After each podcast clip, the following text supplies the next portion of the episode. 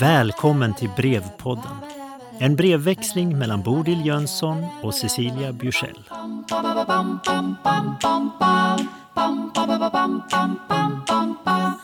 Cecilia, brev 19.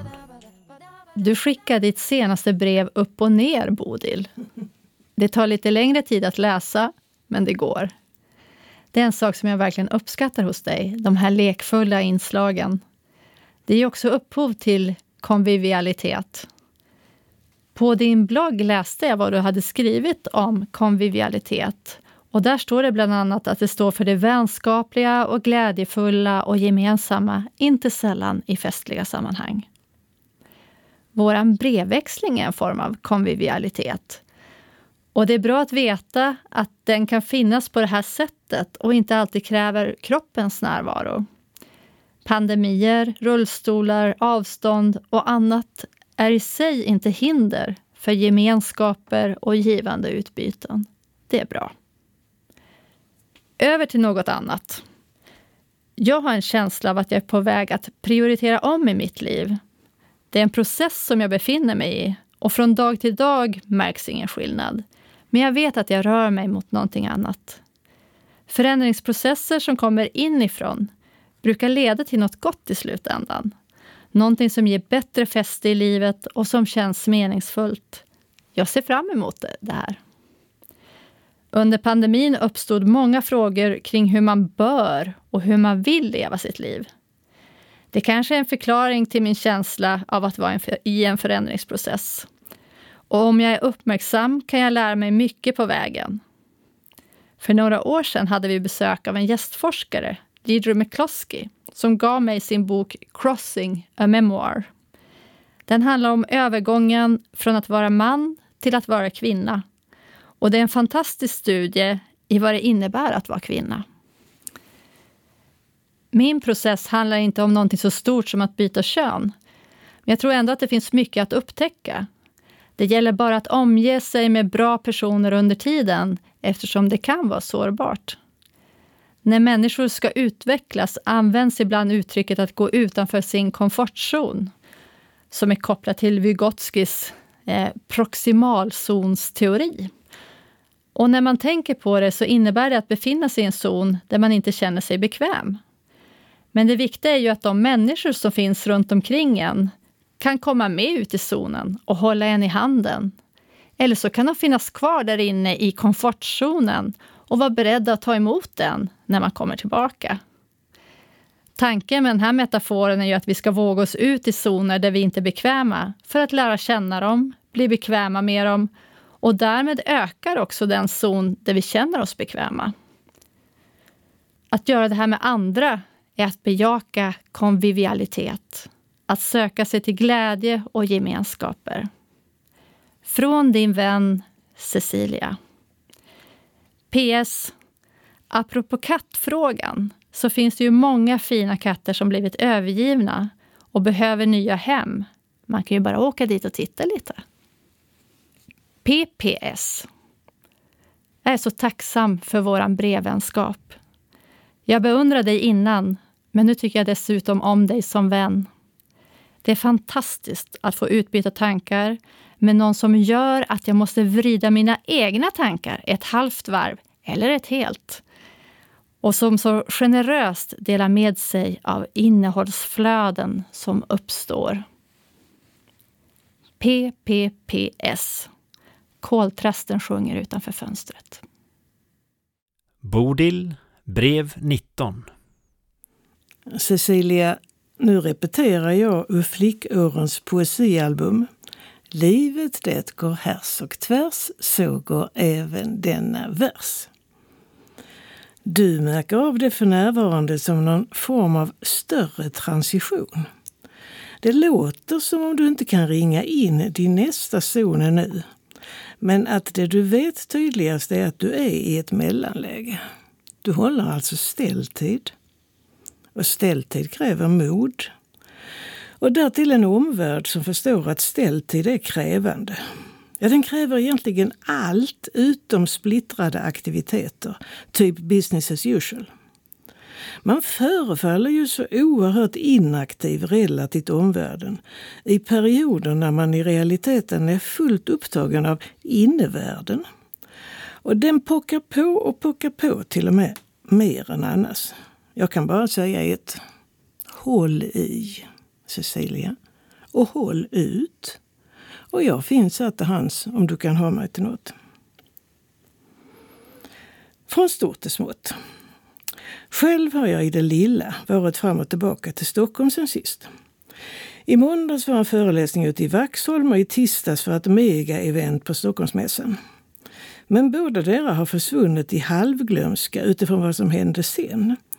För jag tog tåget vid 17-tiden i akt och mening att vara hemma klockan 22, men tji vad jag bedrog mig. Jag låste upp dörren här hemma vid fyra tiden på morgonen, sex timmar efter förväntad tid. Först var det spårproblem vid Flen och sen när vi kom till Hässleholm så hade det skett en så kallad olycka mellan Hässleholm och Lund, det vill säga vi fick köra med Helsingborg men skulle då först invänta nästa Stockholmstorg för att vi skulle kunna köra hoplänkade etc. etc. Men det tog ju uppmärksamhet från det som hade varit och det spiller nu över ett dygn eller två framåt. Varje dag är faktiskt inte en intressant dag. Men på det stora hela kan man ändå påverka sitt liv så att man för det mesta upplever varje dag som en gåva. Som något man faktiskt är tacksam för. Själv har jag faktiskt också lite sådana där tacksamhetsinvesteringsstöd inbyggda i livet. Ett av dem är frekvent. Jag har ett halvkroniskt fysiologiskt elände X som flammar upp då och då och som gör så väldigt ont. Jag skulle så gärna vilja vara av med det. Men det finns i alla fall något bra med X. För när livet i övrigt tar emot ibland så dyker det nästan alltid upp ett Men jag har i alla fall inte X nu. Tack! Hurra! Hur som helst, när jag skriver detta så kommer jag att tänka på något annat. Har jag berättat för dig att jag ofta har synnerligen aktiva drömnätter? Innefattande allt mellan mardrömmar och lyckotoppar mellan slentrian och geniala idéer. För att förstå den mardröm jag nu ska berätta om behövs två förkunskaper. Det ena är att jag på dagen före drömnatten hade samtalat med min ena dotter om migrän. Vi har det båda, men ganska sällan och oftast inte så hemskt intensivt. Men hon berättade om ett tillfälle i ett fjärran land då hon fick en praktmigrän sittande högt upp på en elefant. Därifrån kan man ju inte ta sig ner själv, utan hon fick under en intensiv migränattack invänta sin tur att komma ner på fast mark och under tiden skumpade hon omkring där uppe. Hon berättade hur hon sen låg där länge, länge och höll sig fast i gräset och försökte få tillbaka en fast tillvaro. När detta blandades med min vetskap om att jag har en getingallergi som förvärvades när jag en gång lyckades bli stucken av en bålgetingdrottning och därför är jag väldigt observant på att medicinera om jag råkat bli getingstucken. Nu känner du till förhistorierna, nu kommer drömmen. På natten efter Karins elefantberättelse drömde jag för första gången på de 15 år som gått sedan den fatala träffen med bålgetingdrottningen om just en sån situation, och inte vilken som helst, utan en fullständigt fasansfull. Jag fastnade i maran att jag hade en bålgeting i vänster öga. Drömforskare menar ju visserligen att våra upplevt evighetslånga drömmar är urkorta, men för mig kändes det som om jag kämpade i en evighet för att komma upp till vakenhetsytan. Under tiden så blev jag mer och mer medveten om mitt halvvakna mantra. Jag kunde nästan höra hur jag sa när jag vaknade. Jag har en bålgeting i vänster öga, men det gör ju inte ont. Jag har en bålgeting i vänster öga, men det gör ju inte ont. Och svetten rann när jag till sist var vaken på riktigt och natten var fördärvad. Men tacksam var jag, ska du veta, för det gjorde ju inte ont. Kram, Bodil. Cecilia, brev 20. Kära Bodil. Det var några dagar sedan jag fick ditt brev och eftersom vi har sagt att vi ska skriva 20 stycken var så misstänker jag att jag förhalar skrivandet som för att dra ut på tiden för våran brevväxling. Din dikt fick mig att tänka på en annan dikt. När jag skulle installeras som professor fick jag också äran att hålla lärarnas tal till studenterna. Då tog jag med en dikt som jag hörde som ung. Den var skriven av en gammal kvinna som bodde på ett hem där min kompis arbetade. Tyvärr vet jag inte vad hon hette, men så här gick dikten. Kringelkrokig är vår bana. Den har många vilsna spår. Men med tiden kan man ana vart den rätta vägen går. Och för mig handlar den här dikten om det vi tidigare talat om.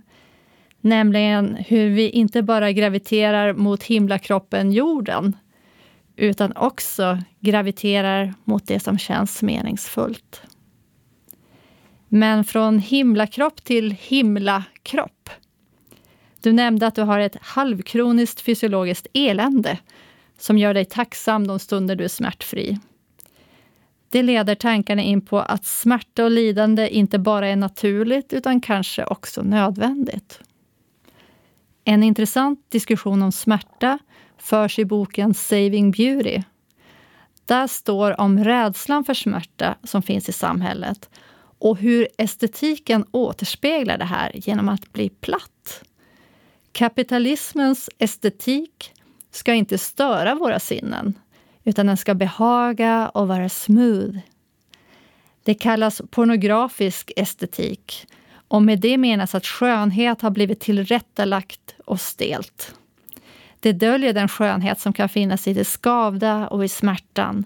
Den skönhet som kan finnas i det fula. Det perfekta är ju sällan intressant. Och det är i linje med, med vad Rainer Weiss säger om det här med att varje dag är intressant. Du har ett problem, du löser det och du blir nöjd. Det här med tåget kunde du inte lösa själv och därför var det inte intressant och kunde inte ge dig glädje eftersom det hela skedde bortom din kontroll. Det kanske var en dröm eller mardröm, precis som drömmen om bålgetingen som du berättade om. Drömmar är definitivt oförutsägbara. Du ger dig inte in på någon drömtydning, utan istället ser du smärtan rakt i ögat. Genom att i tillståndet mellan dröm och vakenhet inse att det inte gör ont. Jag tror definitivt att drömmar är viktiga för att bearbeta sånt som vi är med om. En sorts lärandeprocess. Men jag kan inte säga på vilket sätt det sker. Carl Jung menade att drömmarna var en portal till det omedvetna och kanske till och med till ett gemensamt medvetet. En annan teori från psykologin är Erik Eriksson, som vi har nämnt tidigare.